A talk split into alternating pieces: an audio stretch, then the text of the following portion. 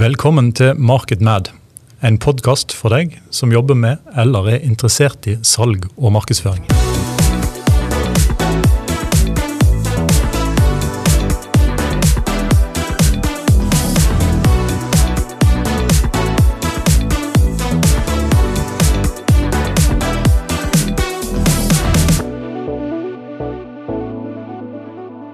So, welcome to uh, another edition of the Market Mad podcast. Uh, today we have the opportunity to uh, talk to Kremena Yordanova. She is Director of Marketing Activation at Reebok. Uh, Kremena is passionate about storytelling and is a leader focused on combining data driven decision making and using intuition to guide strategies. Hey. Welcome to the uh, podcast. Hi there, thanks for having me. It's my pleasure. Thank you very much for, for spending the time today uh, for this talk. Um, I'm just going to jump into it. Uh, your thoughts on the consumer first topic. Uh, why do we forget about the consumer point of view when we talk about marketing? Yeah, I think um, it, it's a great question. Thanks for posing it in that manner. Is in the end of the day, all of our brands are doing are serving a customer. And I know that customers are uh, first or obsessed about the customer were buzzwords a few years ago. But we kind of in marketing fell into the trap of let me do this fancy campaign and then see if it lands and hopefully we can manipulate some of the KPIs so I look good at my boss's eyes. But then we kind of forget about was it impactful for the consumer? Do they even remember what you were trying to achieve there? Do you even know your consumer intimately well? Are you hmm. willing to spend time to get to know them? And is your genuine place of putting campaigns out there really matching with what the company is trying to do? So I think there is a deeper understanding of not tapping only into, well, we never forgot about the consumer, but we kind of don't ask them anything anymore. Uh, we're only hearing from them when things go madly bad, Yeah. and then we're trying to kind of uh, patch it off. And that's not how a normal relationship would work. If you are building a strong relationship with your consumer and you keep on giving value to them, they will be nothing but loyal to you and nothing but spending the money and waiting for your next product to come out. So yeah, I too am guilty of you know thinking that I'm putting consumer first, but actually having a pressing matters to be done and dusted uh, is often you know the, the the price you pay for putting campaigns that a no one expected or no one wanted. So all of us as marketeers need to go back to talk to consumers more and when you talk to them ask them the relevant questions um, having the data on like topics that only serve one of your purpose in the silo will not give you the full scope of what the customer really wants. Oh. with that being said i want to also mention that often what consumers say they'll do and what they actually do is a very different topic. So i would say that if you have the two data on previous experiences with that consumer personalize it as much as you can so that they do have the feeling that you don't need to start from scratch you can take it off from where you stop with them. Hmm. In no matter which level of the funnel if you're just brand awareness techniques or you're making sure that people just need to know about you you're not in the buy now mode yet with them that's still valuable. That's still valuable to keep saying i know last time we spoke we spoke about x y and z but i have now this new project or this new product for you. What do you think and allow the consumer to interact with your brand in the most genuine way have a responsiveness. I think uh, we spoke about it very briefly in the keynote speak uh, that I just gave, but uh, the expectation from consumer is increasingly demanding, and only companies that are having the best interest for the consumer in mind and have the technique that allows easy access to people that understand their issue will make them very very successful um, customer service or any any any type of agency around why should I buy product from you if you don't provide the service after? I expect you to be always available for me, and um, yeah, I Yeah. think yeah, that's why I guess we, we forget because it's not easy done. We have too many touch points, and then everyone is seeing it as a silo. I believe that companies with mono product will be easier to um, embed that structure. Yeah. and as a almost like a routine that the consumer is never forgotten. And it's always what do they see and what do they feel about our products and how do we come across? I think it was, I can't remember exactly, I think it was either a Deloitte or a Gartner report saying that consumers' expectations for um, their interaction with a company is based on their most, uh, their best consumer expectations. So say that they have a, um, a customer journey that was completely perfect from some, say, KLM or uh, whatever company uh, when they go buy something completely different. They expect the same customer uh, interaction and the same quality and the customer journey as their perfect. So th- there's something to strive for yeah always for companies to be better than Yeah. than uh, than they have been, just to to uh, to co- come across as perfect as their last as the consumer's last uh, interaction with a uh, yeah because it's it's it, what it does is this if i go to a store and i buy the perfect pair of shoes but then they kind of don't fit me anymore or they and i i just want to return them. And you don't want to do it in the store but you've created a relationship in the store. You want to just return them in your own convenience. We all have a busy lives. Hmm. We should be thinking about the consumer as how easy we can make things for them or how can we communicate what is possible and what is not possible? I think that the expectation from the consumer is there based on some other um, industries, but we as brands have the responsibility to tell them exactly what they will expect from entering in a relationship with us by purchasing, interacting. Uh, are we responsive? Are we not? It's all about setting the expectations for them so that they can count on you being there when it matters most. Um, and I think many brands are doing a good job, and many of the brands are simply putting it as a lower priority. It will come as way more increasingly importance, and uh, the people that will be willing to reshuffle how things are being done in their organizations will be able to succeed, in my opinion. I, I love a, um, actually, it's a very different industry. It's a vitamin provider brand from UK. Hmm. I think that everything they do is extremely good and well thought through. All they do is a subscription based, a vitamin but then I know exactly what I'm getting, not just from the interacting with them, the reminders that they send you, how they keep you in their loyalty. Everything they do is spot on. But don't forget that they are built with that in mind.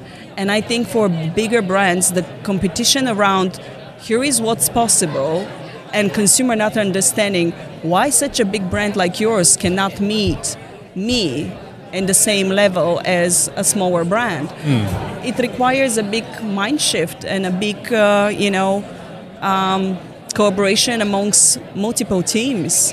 When you build a brand from mono product or customer first, I argue it's easier to maintain that than to reshuffle a big monster as a, you know, wholesale account driven uh, product base to hey now we're going to be D2C only. yeah. But it's exciting because brands like that show us where we still have a long way to go and how we can be more responsive to the consumer's needs and really meet them where they want us to be um, in their journey with us. Yeah.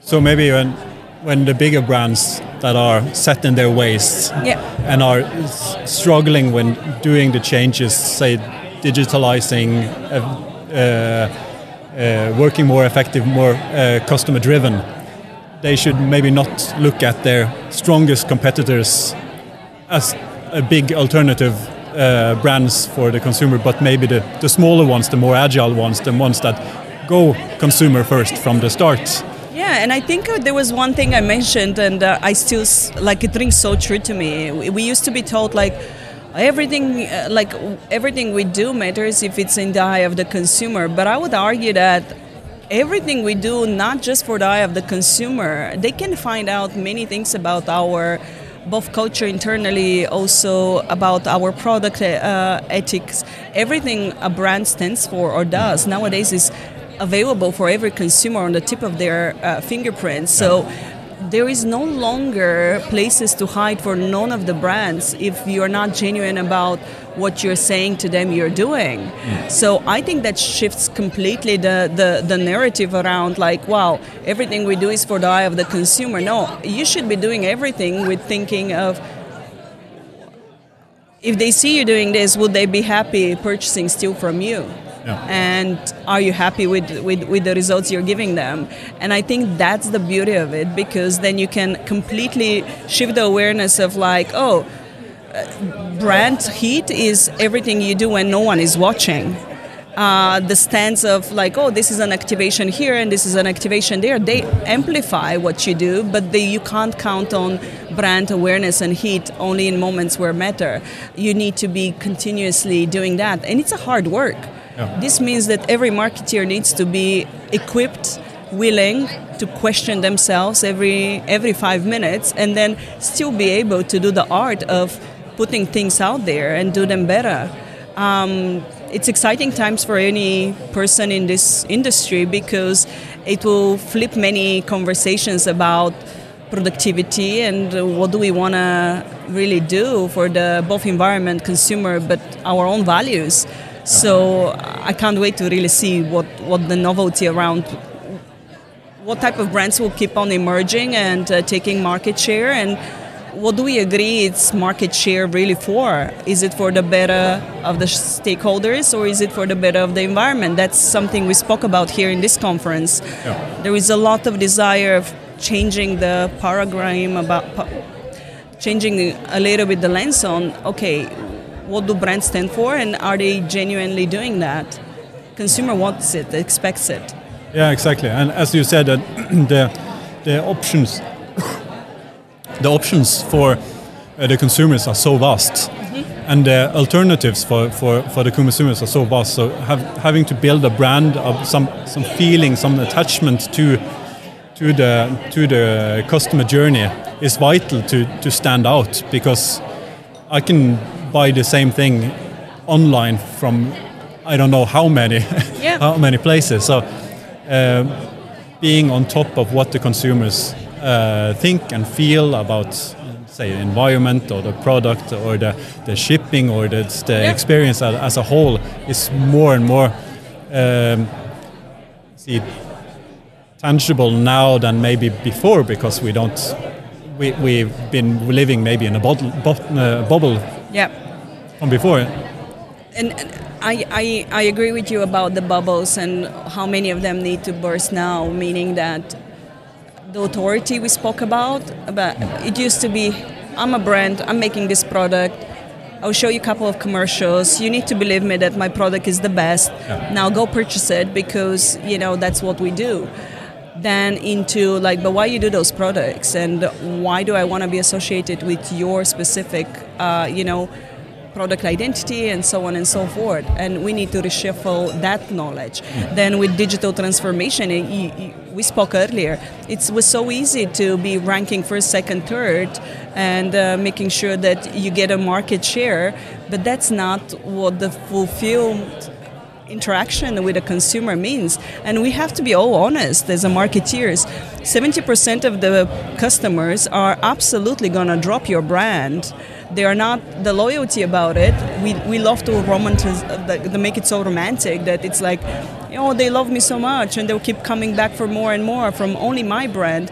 But you said it right. There is such a vast majority of people that just want to explore different options. And if if a brand is linking better to their values or if a brand is actually doing the right thing in, in their own uh, understanding of what the right thing is, they'll continue purchasing from that. Yeah. Um, plus, I, I, am really struggling to understand where we'll end up with uh, less commercialism and how would that impact every company because I personally own only five pair of shoes a year. Yeah. And they're not only sneakers I might buy me a high heels, I might buy me a flip flops, but I'm talking about my apartment is too small to have 20,000 pairs of shoes. Yeah. So that tremendous growth that we are seeking in continuous effort to do more and more, it is just we need to think about it.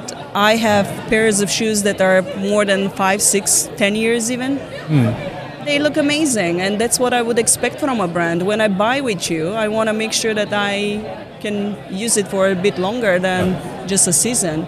And then maybe it's no point for me to know every five minutes what is your next shoe that you dropped. Yeah.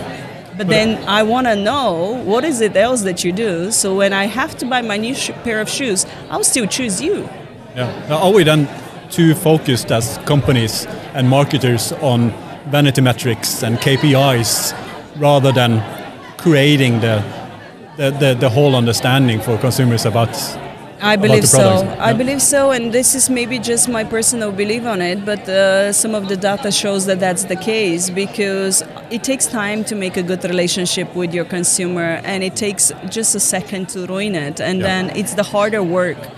Uh, transactional relationships that you have with your consumer will always be short term and will be not paying off in the long term um, especially in times of recession, especially in times, it's going to be, yeah.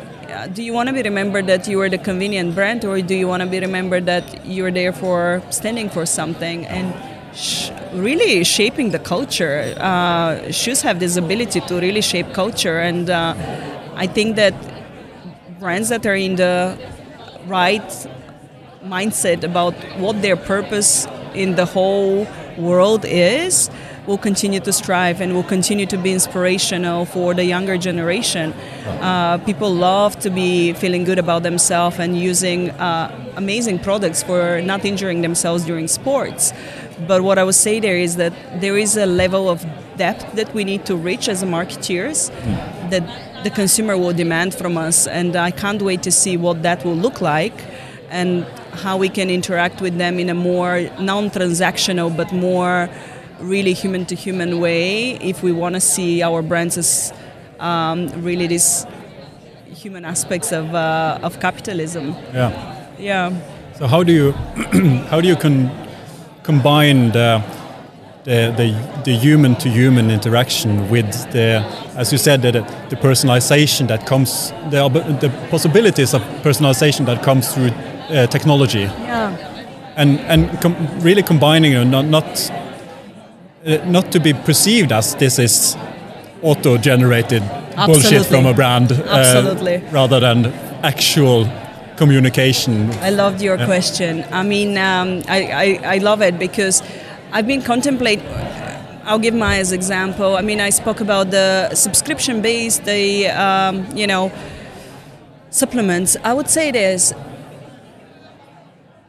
if we're not looking into mono mono brands and we're not sharing the information, and I do want to stress out that personalization will only work if we're using the information that the consumer is willing to give us, meaning that if it will help me next time I go to your website not to scroll 15,000 times to find the same item that I've always wanted, I will be glad to give you my information. But if it's going to be used for whatever other purposes, of course, people are a little bit more skeptical, and then we need to be continuously thinking about oh how to do it the right way. If i've been browsing for a running shoe the past three months i would love to receive an email if i'm subscribed to your database saying like hey i've noticed you really giving this a, a thought. Yeah. here are the top three shoes for you. Hmm. And that's it. And then six months later go again and say like maybe you bought from someone else or that, how is it going? Is it still there? Um, not to be super nudging and not to be too evasive but i would love if people say like wow you, they really thought about me. Uh, why? Because i told them i'm browsing running shoes. Yeah. yeah something like this would look a little bit less uh, intrusive and more genuine. Yeah.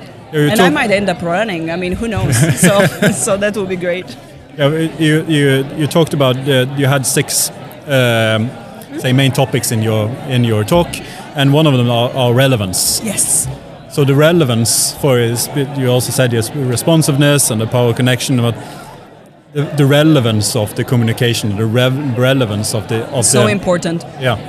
It's so important because we often take the the the the fast route to this is trending now let's have an opinion Yeah. and i think that many many consumers will just really sniff it immediately when you're not when you're only choosing the, the relevant topics uh, to talk about for the wrong reasons, I, I mean, our consumers are s- s- so intelligent and they know everything that uh, a company is up to, but they also value a cheeky kind of, uh, at least for me, um, brand that continuously shows up where it's a relevant space for them to show up. Yeah. And it's not in pick and choose, is if you choose a lane, you own it long enough so people remember you for something. So it's it's it's it's really important that uh, you don't play with the relevancy only when it's convenient for the brand. You stand out for issues when it's actually not even convenient for you. I think that creates a better relationship with the consumer rather than the other way around. Um, it's a difficult decision, but it's a decision that inevitably will attract more customers.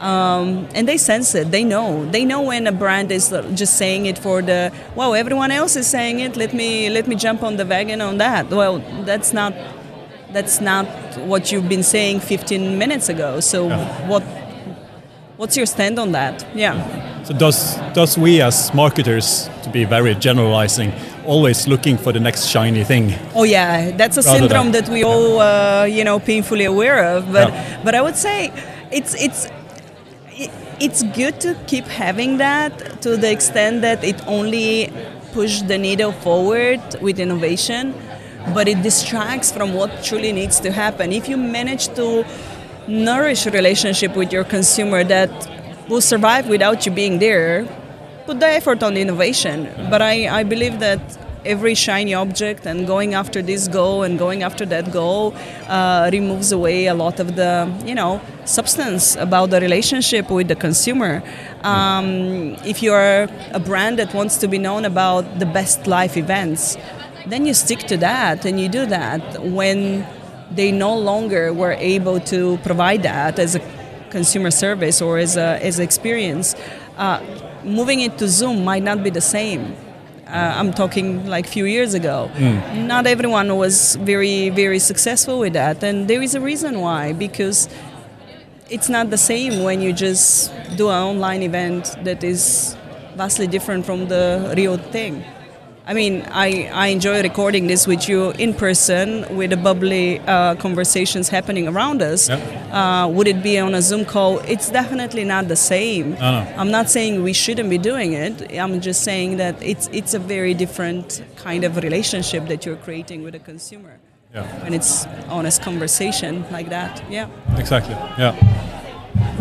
Uh, I think uh, we can close on that and say that um, being more aware of our consumers and uh, the needs of our actual customers, and being a, a company or a brand that thinks about the customer first rather than the, the metrics and the vanity KPIs and whatever it is, is the way forward. Yeah, and not just for customer first, but customer only. Like in a sense that I'm not saying, oh, we have a big responsibility to educate our customer. What is it that, where is it that I'll meet you with your demands and needs? But we need to have the opportunity to get to know them. Yeah. So if we say uh, it's customer first, it makes sure that everything else doesn't get done. I would say when you say customer only, like ask everything you do, is it serving the purpose of you know providing value to your consumer or customer?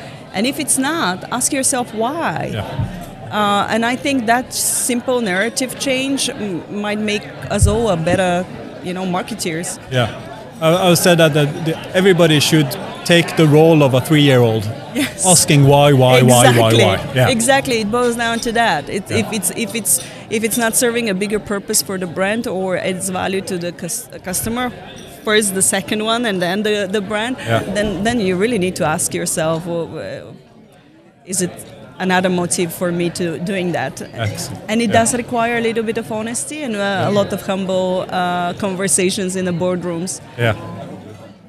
Well, thank you so much for this talk.